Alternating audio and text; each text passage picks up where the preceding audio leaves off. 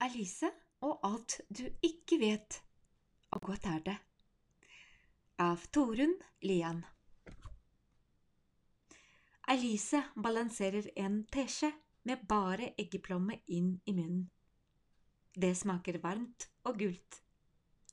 mm, tenker hun, glad for at hun liker ting. Svømming, for eksempel. Nå kan svømming også regnes til ting hun liker, for i går så viste det seg at hun kunne det. Hun plutselig bare kunne svømme helt av seg selv, og for første gang i livet har hun tatt morgenbad sammen med de andre i familien sin, som om det var helt naturlig. Hun er ennå våt i håret, for hun dykket hele hodet under. Imponerende, sier faren. Jeg kan nesten ikke tro at det er sant, sier moren. Martin og Mia virker mer sure. Akkurat som om de liker best at hun ikke kan ting like godt som dem. Men det forstyrrer ikke det gode humøret som har lagt seg inn i Elise, på samme måte som den varme solskinnsdagen ligger omkring bordet på den lille plenen utenfor hytta der familien Andersen sitter og spiser sommerferiefrokost. Moren og faren og Martin og Mia har spist opp eggene sine, men Alice koser seg fremdeles med eggeplomma si. Hun er den beste i familien sin til å få gode ting til å vare lenge. Ingen slår henne i det. Men for søskene er det en egenskap som bare er irriterende. Det bekymrer ikke Alice det minste. Det er tvert imot en ting hun kan like så godt at hun må smile når hun tenker på det. Og bare så plomma skal vare enda lenger, legger hun skjeen fra seg på bordet og bøyer seg ned og klør et av de kanskje 16 myggstikkene hun har fått. Det nede på ankelen der hun er så tynn at du kan se blodårene gjennom den, er det som klør mest. Det var deilig å klø på det i begynnelsen, men nå prøver hun å holde neglene unna, for det har begynt å blø. Hun klør rundt det i stedet. Det er ikke så verst godt, det heller. De andre driver og teller myggstikkene sine, de finner flere og flere. Alice syns det er litt rart, at det er akkurat som om det er om å gjøre å være den som har fått flest myggstikk alltid. Hvorfor er det så stas å ha fått flest, liksom? tenkte hun. Hun spør. Fordi det er en konkurranse, vel, sier Mia. Ja, sier Martin. I å lide. Det er det som er kult, ikke sant? Ja, det gjør vondt.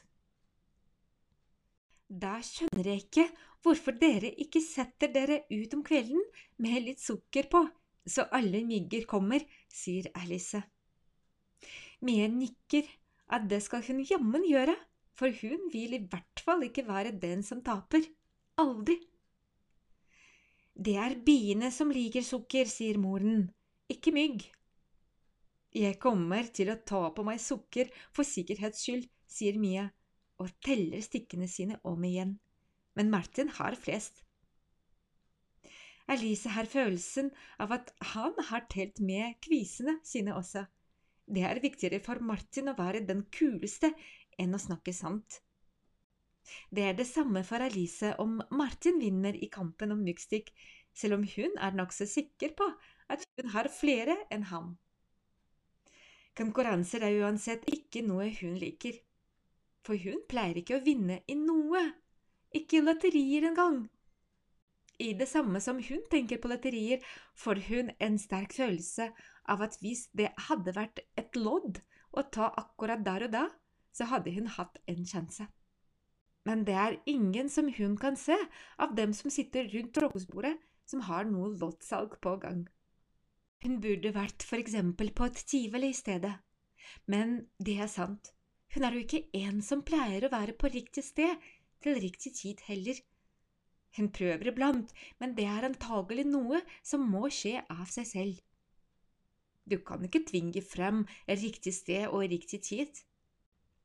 Alice ser for seg riktig sted og riktig tid som noe som passer helt perfekt sammen, et lysende punkt, og når det oppstår, spilles det en liten melodi som bare du hører, og det er da du vinner. Det behøver ikke å være en premie eller pokal, men noe blir bare veldig, veldig bra for akkurat deg, akkurat da. Alice føler seg skikkelig bra denne morgenen, men hun kan ikke skryte av at hun hører den melodien. Hun kan ikke skryte av at hun har hørt den noen gang. Hun er sikker på at hun ville kjent den igjen og visst at der var den hvis den kom. Der var den, og den var skjønnere enn skjønnest, ville hun tenkt. Nesten som noe fra himmelen. I stedet hører hun en krangel. Det er Martin igjen, mot moren og faren.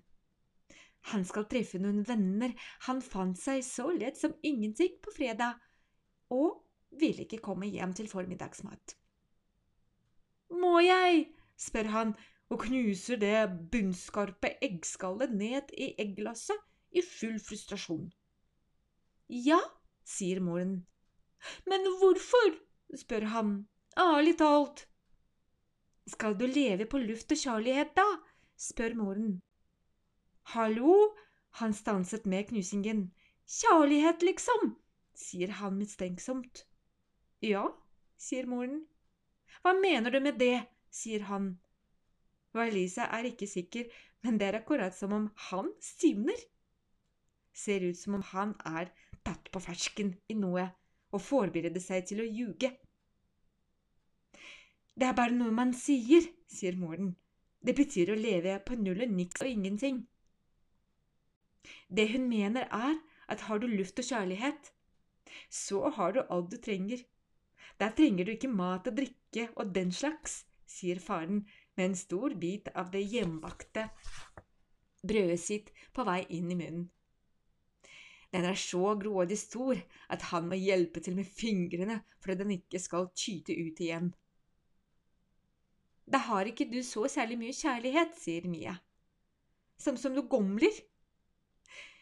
Hvis du visste hvor høyt jeg elsker moren din, slafser faren i vei, så hadde du Faren veivet i lufta med resten av brødskiva, som om ordet han leter etter, er like i nærheten og skal komme og sette seg på den som en flye.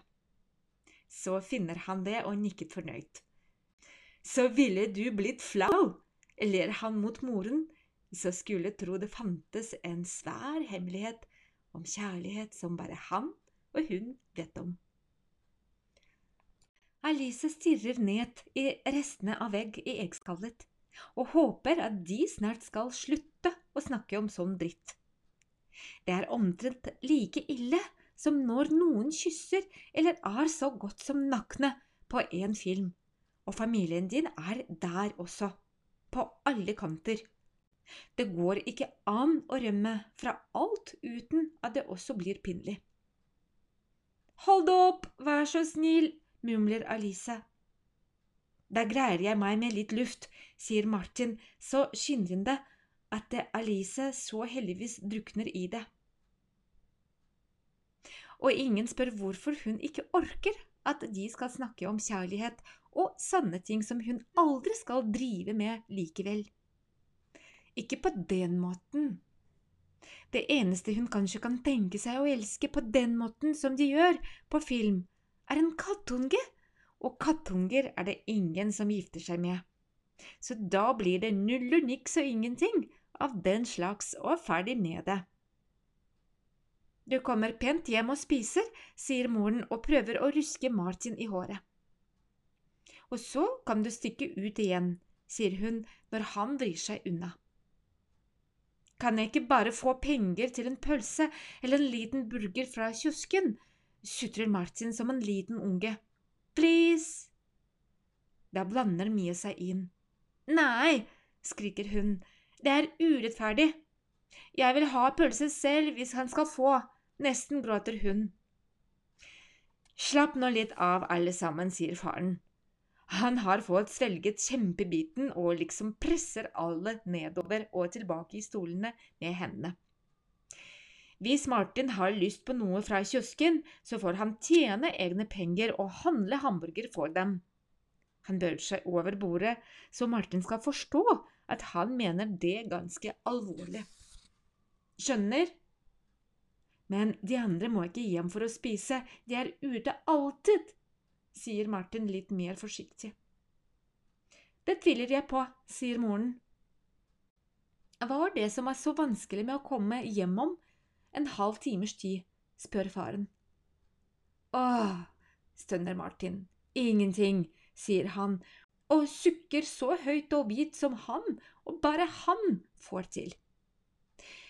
Du kan ta med deg vennene dine hit hvis du vil, sier moren. Hadde ikke det vært hyggelig? Det svarer ikke Martin på. Han bare gnir seg hardt til skallen med begge knoklene for å vise hvordan den tanken krøller og skrukker seg inne i han og må ut igjen fortest mulig, ellers blir han gal.